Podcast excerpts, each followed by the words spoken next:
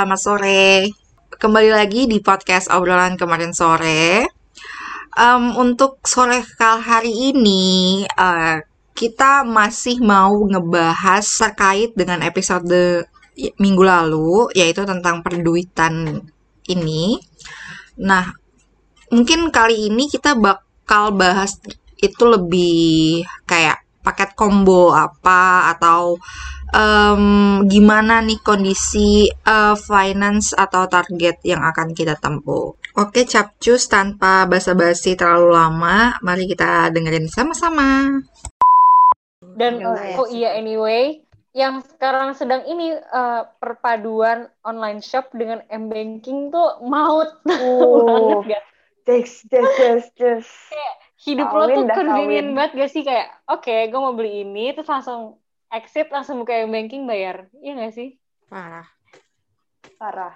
Ini kalau ada sponsor nih udah hebat banget nih kita ngobrol loh. Lu harus tahu gue benci banget sama travel du duetnya Traveloka sama kartu kredit BCA gue benci banget. jalan-jalan. Setiap gue kayak staycation apa gitu kan gue yang beli karena gue karena gue yang attach kartu kredit gue di situ hmm. yeah.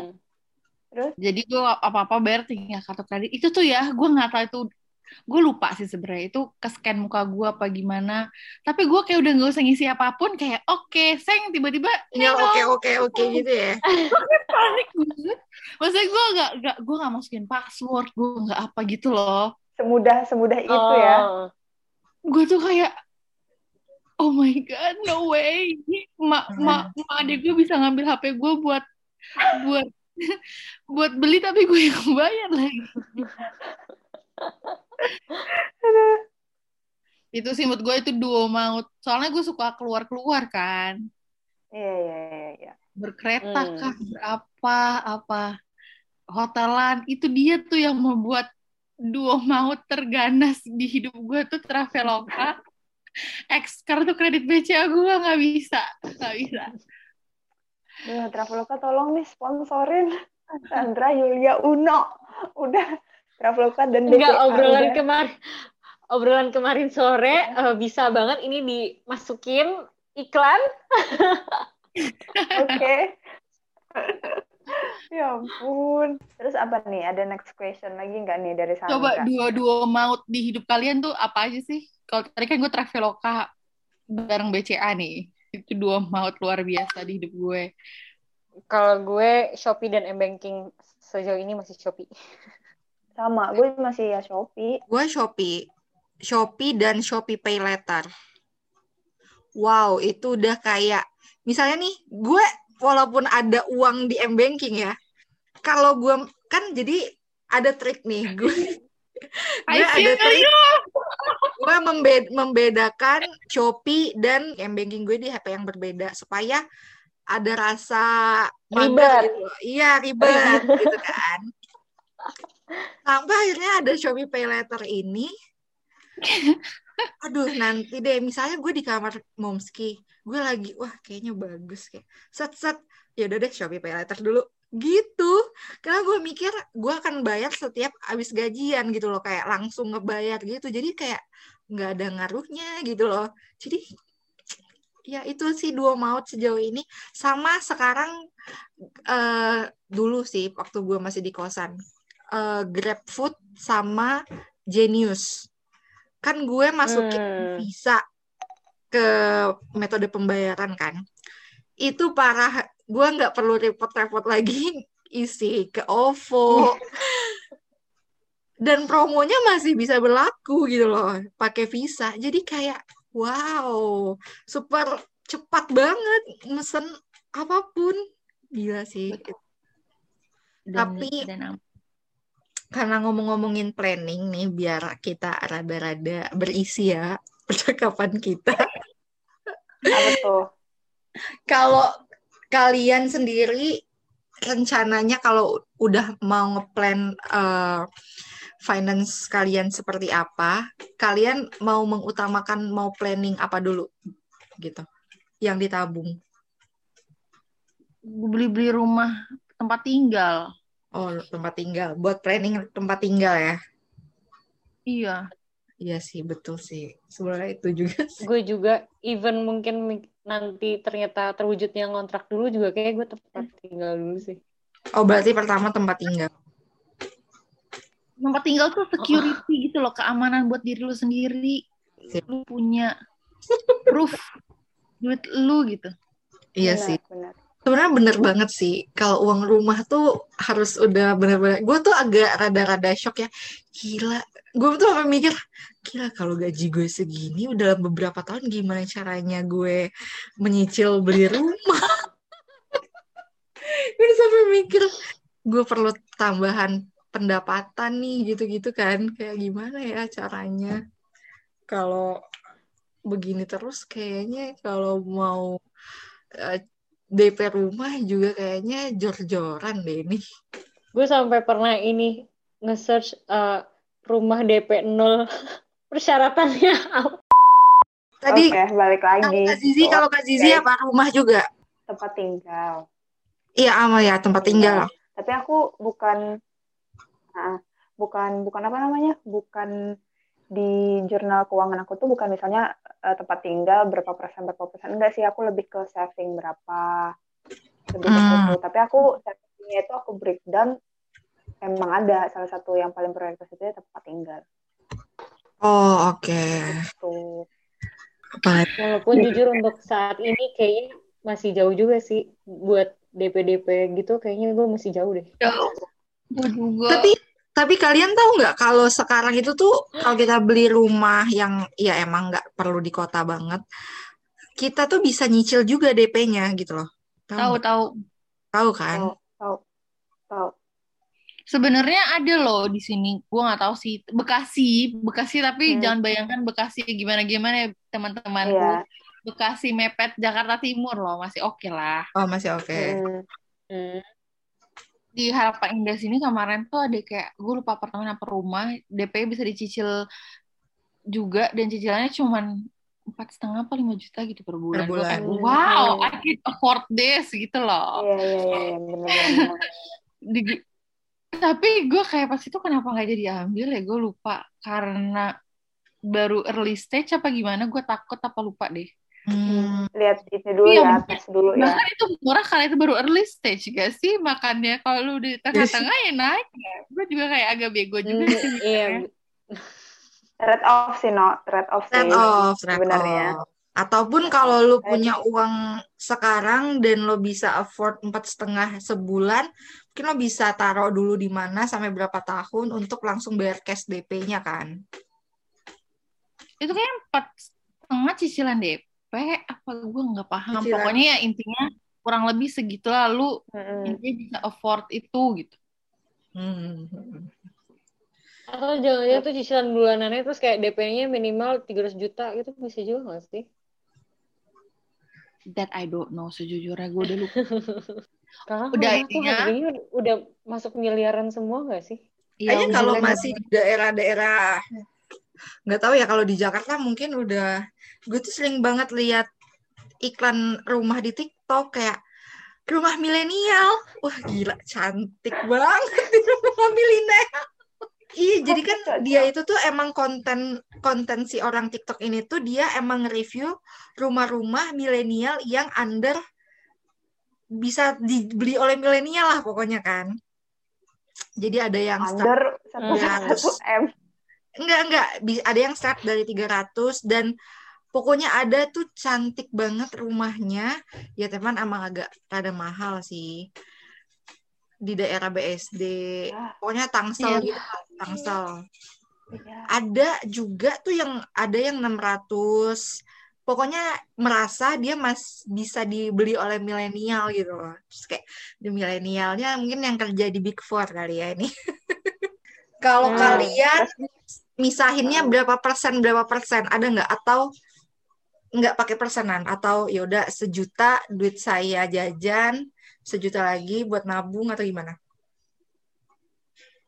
Hmm, banding perbandingannya kayaknya 40 60 gue kalau nabung eh ya nabungnya lumayan gede, Gede. gitu loh 40 50% tapi itu tidak menjamin ya guys. Saya disclaimer tidak menjamin itu dia utuh gitu. Nggak menjamin itu benar-benar 60% gitu ya. Ya tapi berkomitmen Tapi setiap gajian betul. dikirim aja dulu ke jadinya. Iya iya. Iya. Mantap hasilnya nanti gimana wallahu alam lah hanya Allah yang tahu ntar ke depannya gimana itu tapi udah ada kemauan itu lebih bagus Sandra udah ada niat Betul. udah ada niat udah ada niat Betul. Amira Kalau gue kayaknya mungkin mungkin nggak jauh beda kali. Ka- Kalau gue biasanya kalau pas dapet duit gue eh, mikirnya konsumsi yang fixed cost dulu, yang apa yang pasti bakal gue keluarin setiap bulan. Kayak misalnya transport lah atau mungkin makanan apa segala macam. Itu misalnya gue budgetin sekian. Terus yang penting-pentingnya udah gue keluarin, baru sisanya gue tabung. Tapi nanti dari tabungan sendiri gue masih ngasih agak nggak sedikit misalnya yaudah deh 500 bisa gue pakai fleksibel jajan pokoknya ada Oh. yang ada yang ada yang gue iket banget pokoknya ini harus banget ditabung ada juga yang kayak misalnya bulan ini gue yang gue longgarin 200 ribu atau nggak 300 ribu kadang 500 itu tuh tergantung. Mm-mm. tergantung kayaknya kebutuhan bulanannya sampai se- segede apa gitu sih. mirip-mirip juga nggak sih sebenarnya? Kayak kalian gitu gitu juga nggak sih? Sama kan? Betul yang fix costnya dulu sih sebenarnya. Tapi Yang betul. dikeluarin, ini kan? gue jadikan dia fix cost. Jadi sebenarnya pengeluaran gue kenapa enggak melebihi limit dan segala macem? Karena sebenarnya gue juga ngerem. Kalau kalau gue jajan segini Sisanya kan Gitu. kredit card Hmm. pakai kredit card Mm-mm. tapi nggak nggak senahan itu banget makanya kayak tetap bisa nabung tapi ya gitu Oh, Tapi oke. kalau gue lumayan berbeda antara waktu kuliah sama udah kelar kuliah. Kalau dulu gue waktu kuliah, kan kita belum bekerja ya, tidak mengerti apa itu mencari uang, susahnya seperti apa. Jadi kalau gue waktu kuliah itu lebih ke pas uang masuk, yang gue pikirin utama, yang gue tabung dulu berapa. Terus nanti yang eh, sisa, jadi gue tuh bisa kayak ngejatahin buat tabung tuh gede banget waktu gue kuliah. Oh iya, karena see, I Karena kan kayak cuman buat nabung sama Kebaginya cuman- doang Iya, cuman dua itu kan? doang. Iya, iya, iya, iya.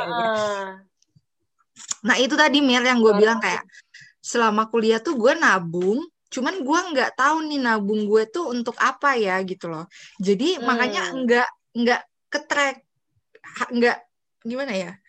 Jadi oh kan gue udah nabung, misalnya gue pengen beli sesuatu, oh kan gue udah nabung pakai duit tabungan. Padahal sebenarnya kalau kita udah ngeplan eh, si uang tabungan ini misalnya buat rumah kan tadi kan emang disisihin buat rumah Hmm. kan pasti bakal ke hold kan itu uangnya gitu loh Iya, iya, iya. gitu nah kalau gue sendiri ya gue sih sistemnya sekarang 50 30 20 50 itu emang gue pakai untuk life life ya maksudnya Hari-hari. hidup lah ya ya sehari-hari Hmm.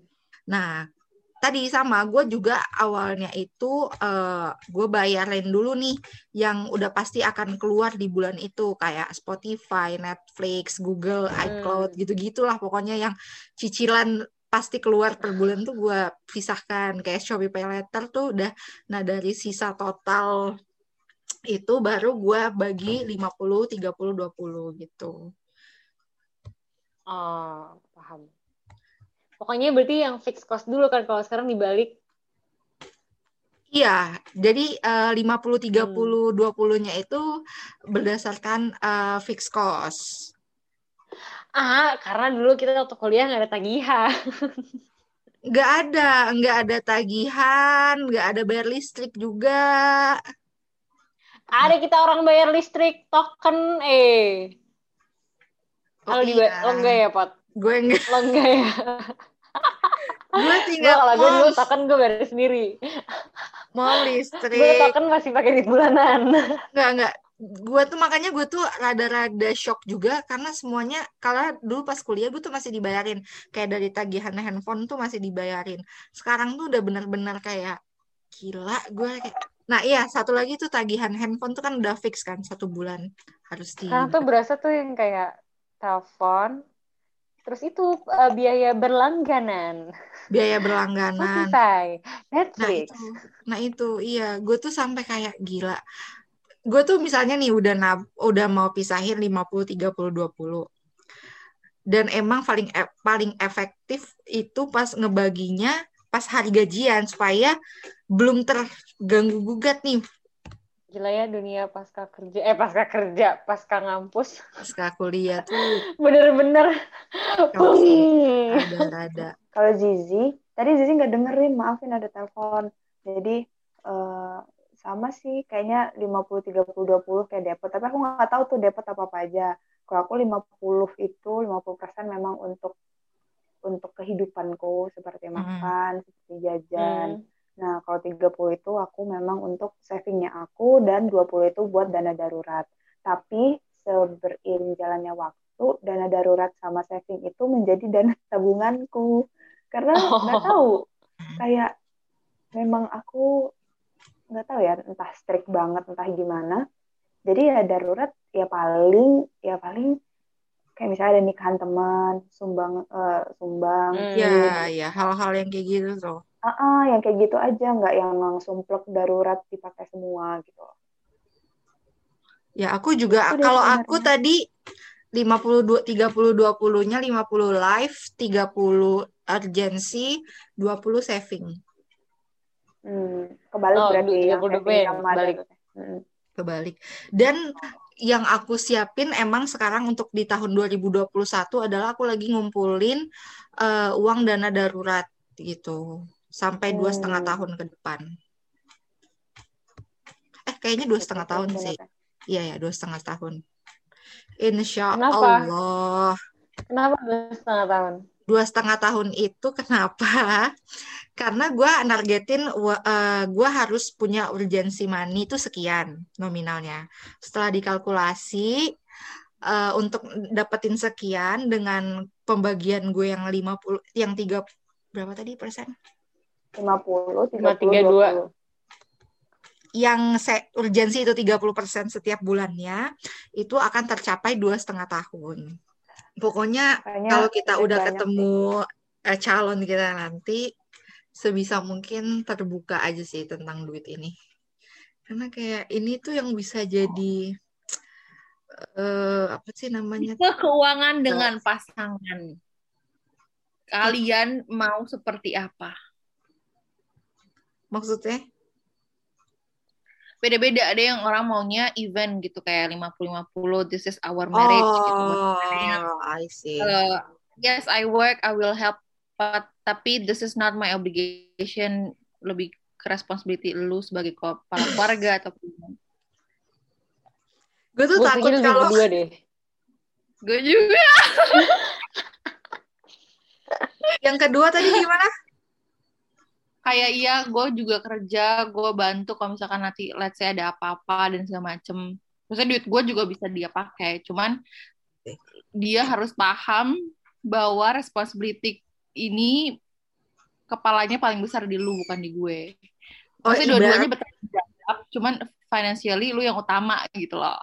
Iya berarti ibaratnya tuh lo lah yang paling gede ngeluarin duit gitu ya kalau misalnya kalau emang ada urgensi yang harus pakai mendesak pakai duit gue nggak apa-apa dipakai gitu kan maksudnya Oh Iya. iya. oke oke banget itu nggak masalah Hmm. cuman in daily basis you are the the supplier Oh, gua kira tadi tuh, gua kira tadi lu bakal minta secara in detail lo maunya pembagian uang sama calon suami lo seperti apa. Sedangkan gue tadi ketawa karena ya Allah, gue udah mengira-ngira eh, finance apa planning gue seperti ini sama sua- calon suami. Entah kalau ada yang denger, lah GR amat nih orang belum ada calon juga udah mengayal-ngayal. Ini kan kayak sistem sistem keuangan yang eh, ideal buat lu, Oh, diinginkan. ideal Hmm. ya, ya sih. betul. ideal buat lu dan pasangan lu nanti gitu. nggak apa-apa sebenarnya nggak sih? Takut, takut. Sebenarnya masalah sensitif sih kalau kalian bertemu dengan pasangan juga pasti kalian eh, Bisa jadi berubah lagi untuk- kan?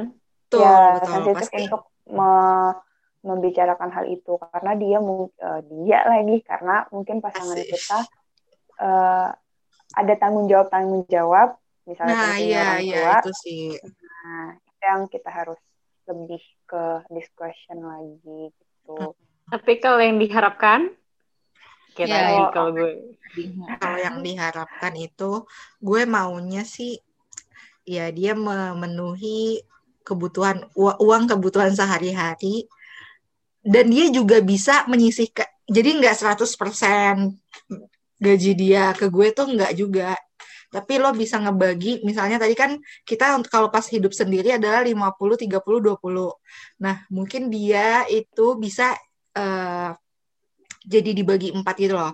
Istri, kebutuhan sehari-hari, hobi dia, sama urgensi dia gitu. Gitu sih. Jadi gue tetap dapat persenan, terus ini uang rumah, uang kebutuhan sehari-hari di rumah tetap ada persenannya, sama eh, dia juga ada gitu persenan dari pendapatan dia gitu. Maunya kan, cuman balik lagi. Tetap yang Eh, di luar sana saya masih berdiskusi kok, open discussion aja kita. Eh, sama kok. Aku fleksibel kok.